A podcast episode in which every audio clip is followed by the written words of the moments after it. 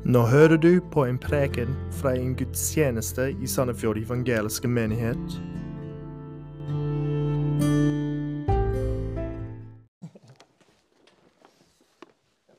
Ja, vi, eh, vi pyntet juletreet vårt for et par uker siden. Og eh, vi har masse pynt som vi har samlet opp gjennom årene. Og vi må faktisk velge mellom dem fordi vi har altfor mange. Ja, vi har, en, eh, vi har et, et, ja, en hjemmelaget stjerne helt på toppen, som vi laget kanskje for 36 år siden eller noe. Ja, så den må være på plass på treet. Og vi har også et kors som vi pleier å ha rett altså på toppen av treet. Og vi har mange andre ting som minner oss om Jesu fødsel. Men vi har, vi har et pynt som er helt annerledes enn alle de andre. Uh, det er en liten sølvstjerne laget av tyggegummipapir. Eh, det er en påminnelse av fattige mennesker rundt omkring i verden som ikke har eh, veldig mye til jul. Det som er søppel for oss, tyggegummipapir, det er, det er en skatt for dem. Julens glade budskap blir mottatt ulikt av forskjellige mennesker. Slik som vi har forskjellige typer pynt på treet, så finner vi at uh, julens budskap blir mottatt, mottatt uh, ulikt av, av uh, forskjellige mennesker. Jesu komme er en skatt for noen, men til andre er det bare søppel. Det er bare realiteten. Vi ser det i Skriften, som vi skal lese i dag, og det samme gjelder i dag. Hva betyr Jesu komme for deg og meg? La oss lese i Matteus kapittel 2 og reflektere over vår egen respons på de gode nyhetene. Men før vi gjør det, la oss be sammen. Kjære Gud, himmelske Far, vi takker deg for ditt ord. Vi takker deg at uh, i ordet hører vi om Jesus, vår Herre og Frelser, og hvordan han kom til jorden for oss. Jeg ber Gud at du skal åpenbare for oss hvem du er gjennom året i dag. At vi skal tilbe deg som du fortjener. Vi ber alt dette i Jesu navn. Amen.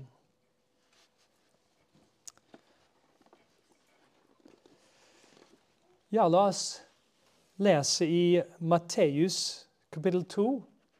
Vi skal ta det bare et par vers om, om gangen. Vi leser først om spennende nyheter. Etter at Jesus var født i Betlehem i Judea i kong Herodis dager, se, da kom vise menn fra Østerland til Jerusalem. De sa, Hvor er den jødenes konge som er født? For vi har sett hans stjerne i, i Østen og er kommet for å tilbe ham.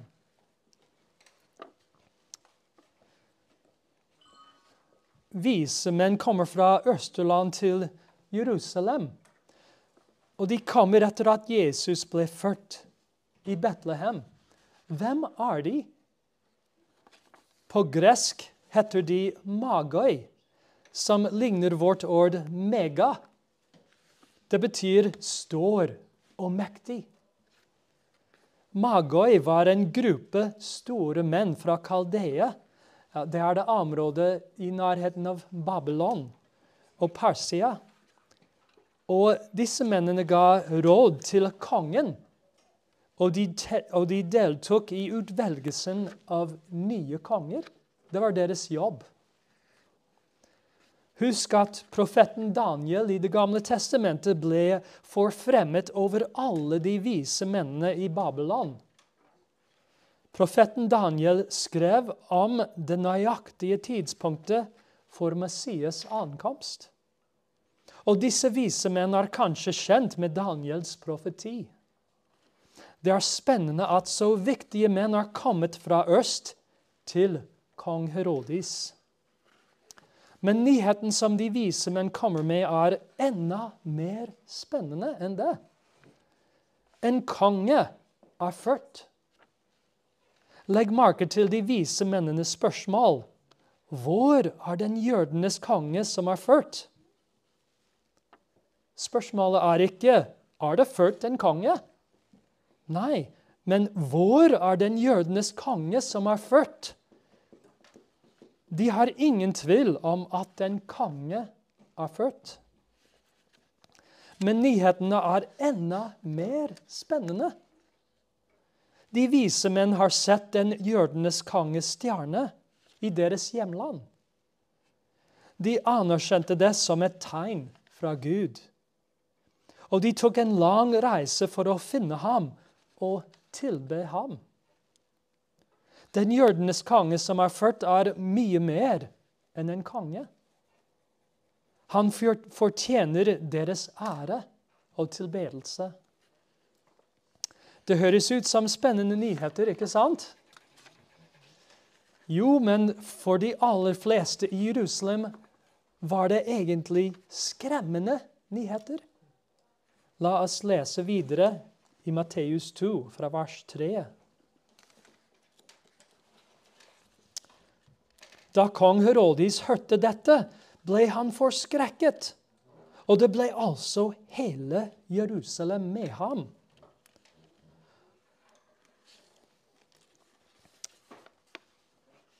Kong Herodis ble forskrekket over nyhetene, og det er ikke overraskende.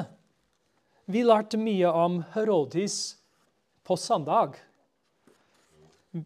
Herodis er en grusom hersker som er desperat etter å opprettholde sin makt. Herodis er nå en gammel konge på rundt 70 år da de vise menn ankommer Jerusalem. Han er redd for konkurrenter til sin kongelige makt og autoritet. Han hadde nylig drept to av sine egne sønner som konspirerte mot ham. Selvfølgelig blir Herodis forskrekket over nyheten om en jødenes konge som er født. Men det står i vers 3 at hele Jerusalem ble forskrekket med ham, med Herodis. Folket i Jerusalem kjenner Herodis altfor godt. De vet hvor grusom han kan være. Hva kommer Herodis til å gjøre denne gangen, tenker de.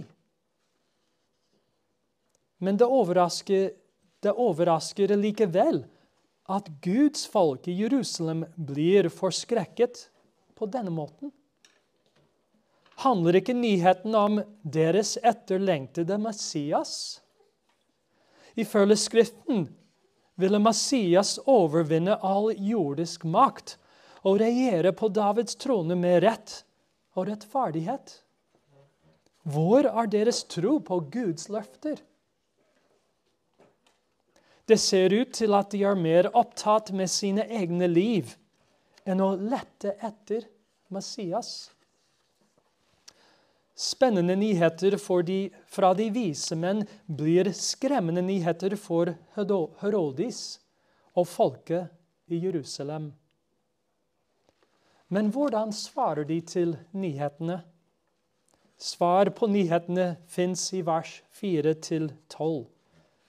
La oss lese litt fra vers 4. Og da han hadde samlet alle øversteprestene og de skriftlærde i folket, spurte han dem hvor Kristus skulle bli ført. Da svarte de ham, i Betlehem, i Judea, for slik er det skrevet ved profeten. Men du, Betlehem i Judaland, du er slett ikke den ringeste blant fyrstene i Juda, for ut fra deg skal det komme en fyrste. Han skal være hyrde for mitt folk, Israel. Øversteprestene og skriftlærde svarer med en gang. De har intellektuell kunnskap, Og de har helt rett. De siterer profeten Mika med det riktige svaret. De vet at Messias skal bli født i Betlehem.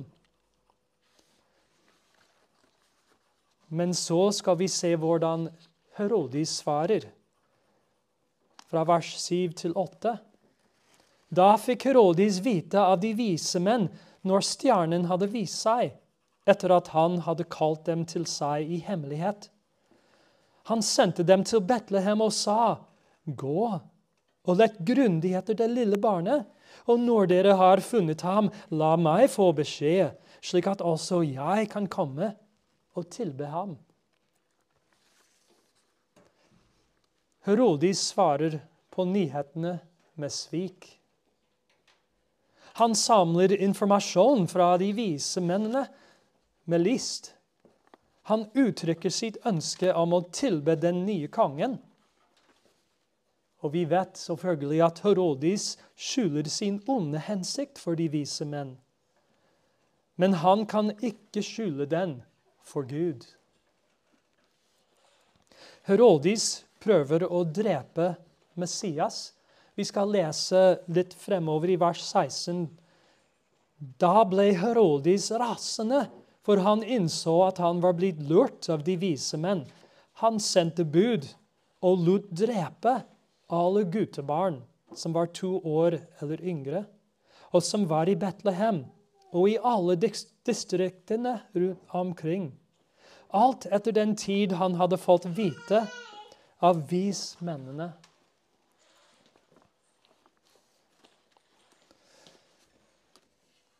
Herodis prøver å drepe Messias. Men hva om de vise mennene selv? Hvordan, hva gjør de? Det leser vi fra vers 9 til 12. Da de hadde hørt på kongen, dro de av sted. Og se, stjernen som de hadde sett i østen, gikk foran dem, til den sto over det stedet hvor det lille barnet var.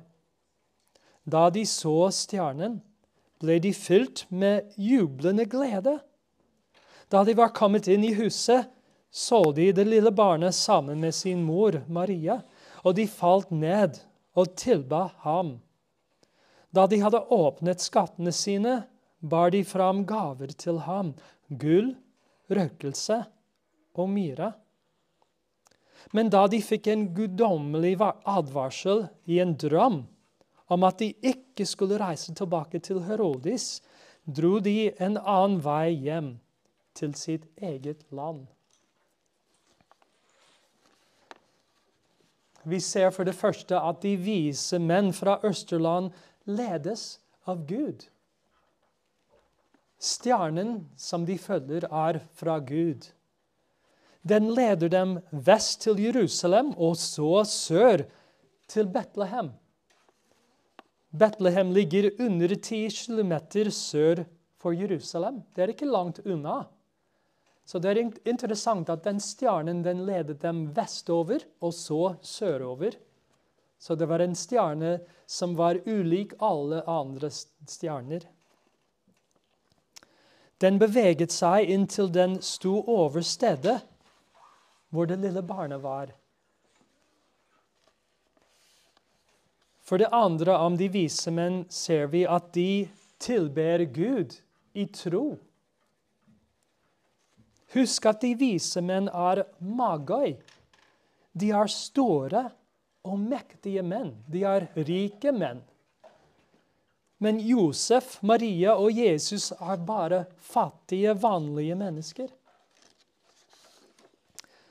Men når de vise menn kommer inn i huset og ser Jesu-barnet sammen med hans mor, faller de ned og tilber ham.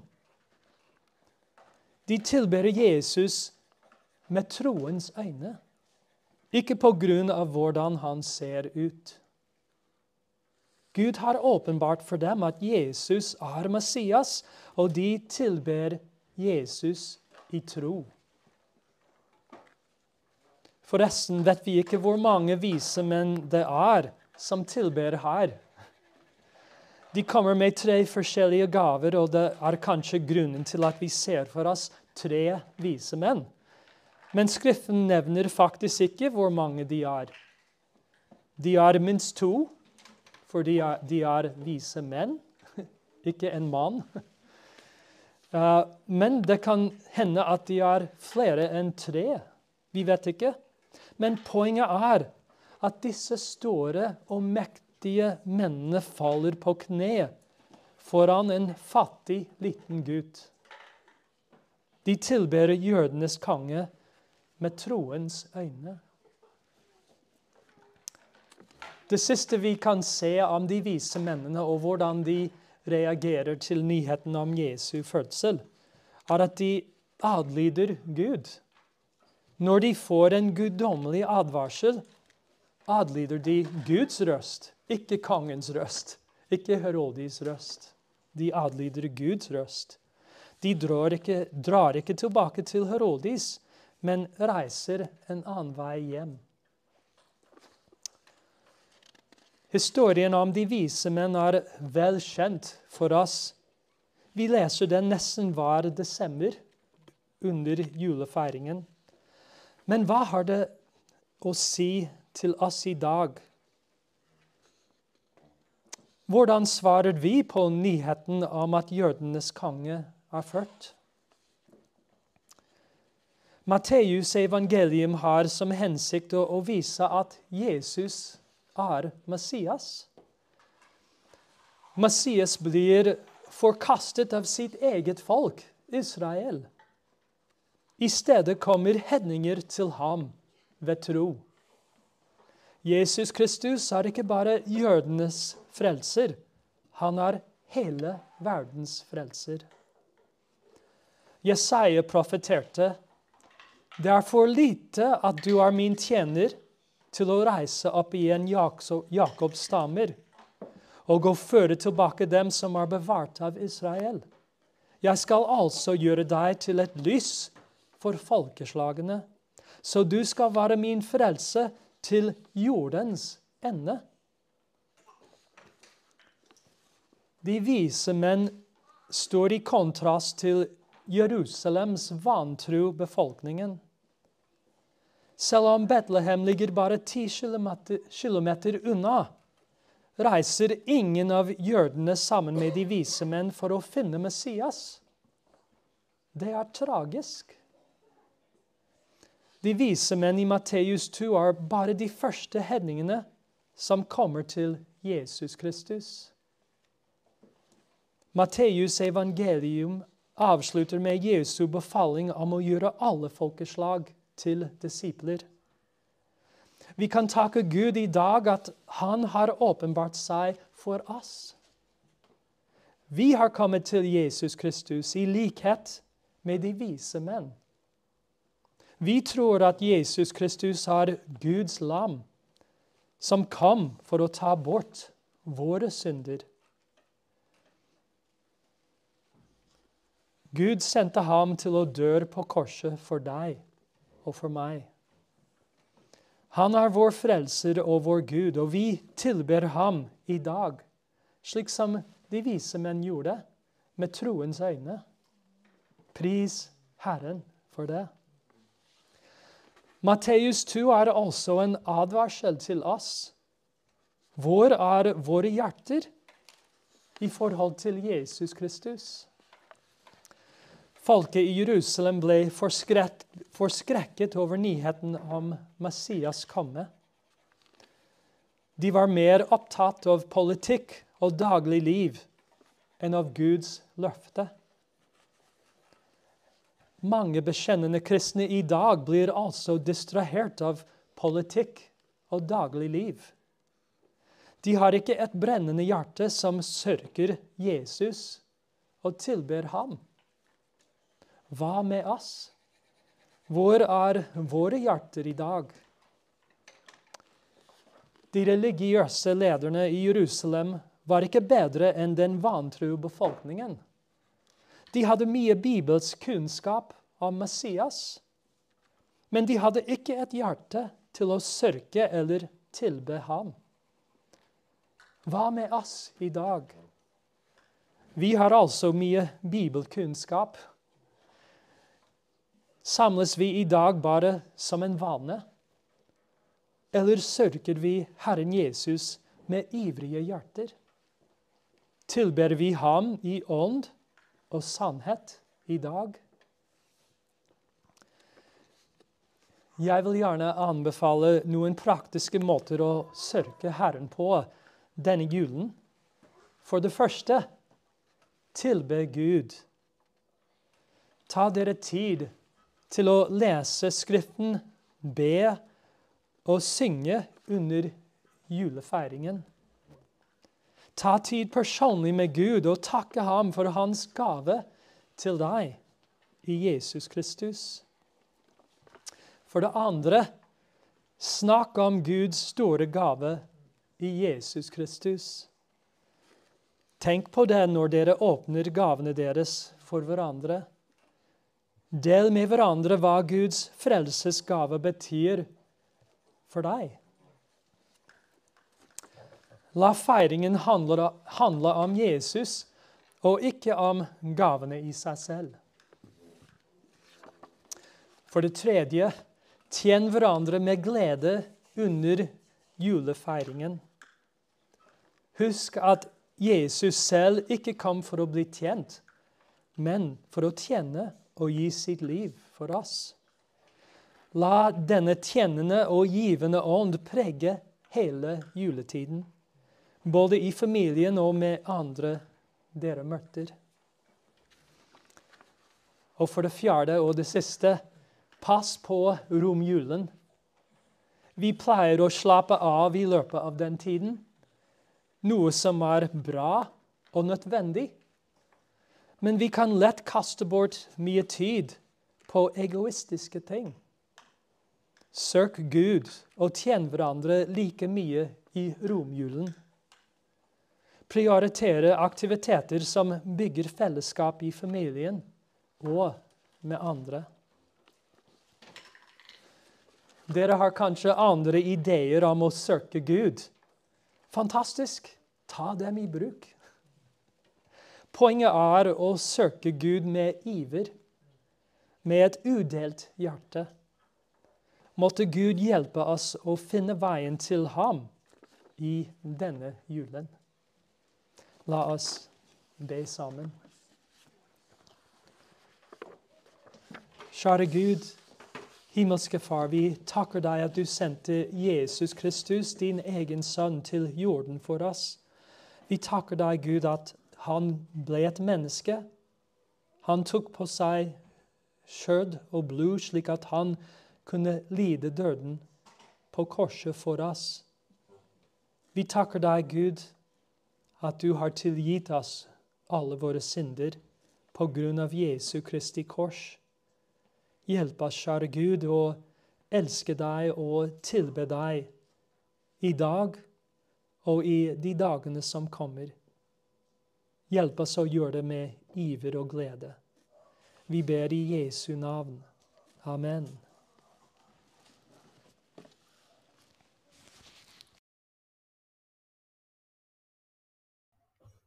Takk for at du hørte på denne prekenen. Ønsker du mer informasjon, besøk sandefjordevangeliske.no eller vår Facebook-side Sandefjord evangeliske menighet.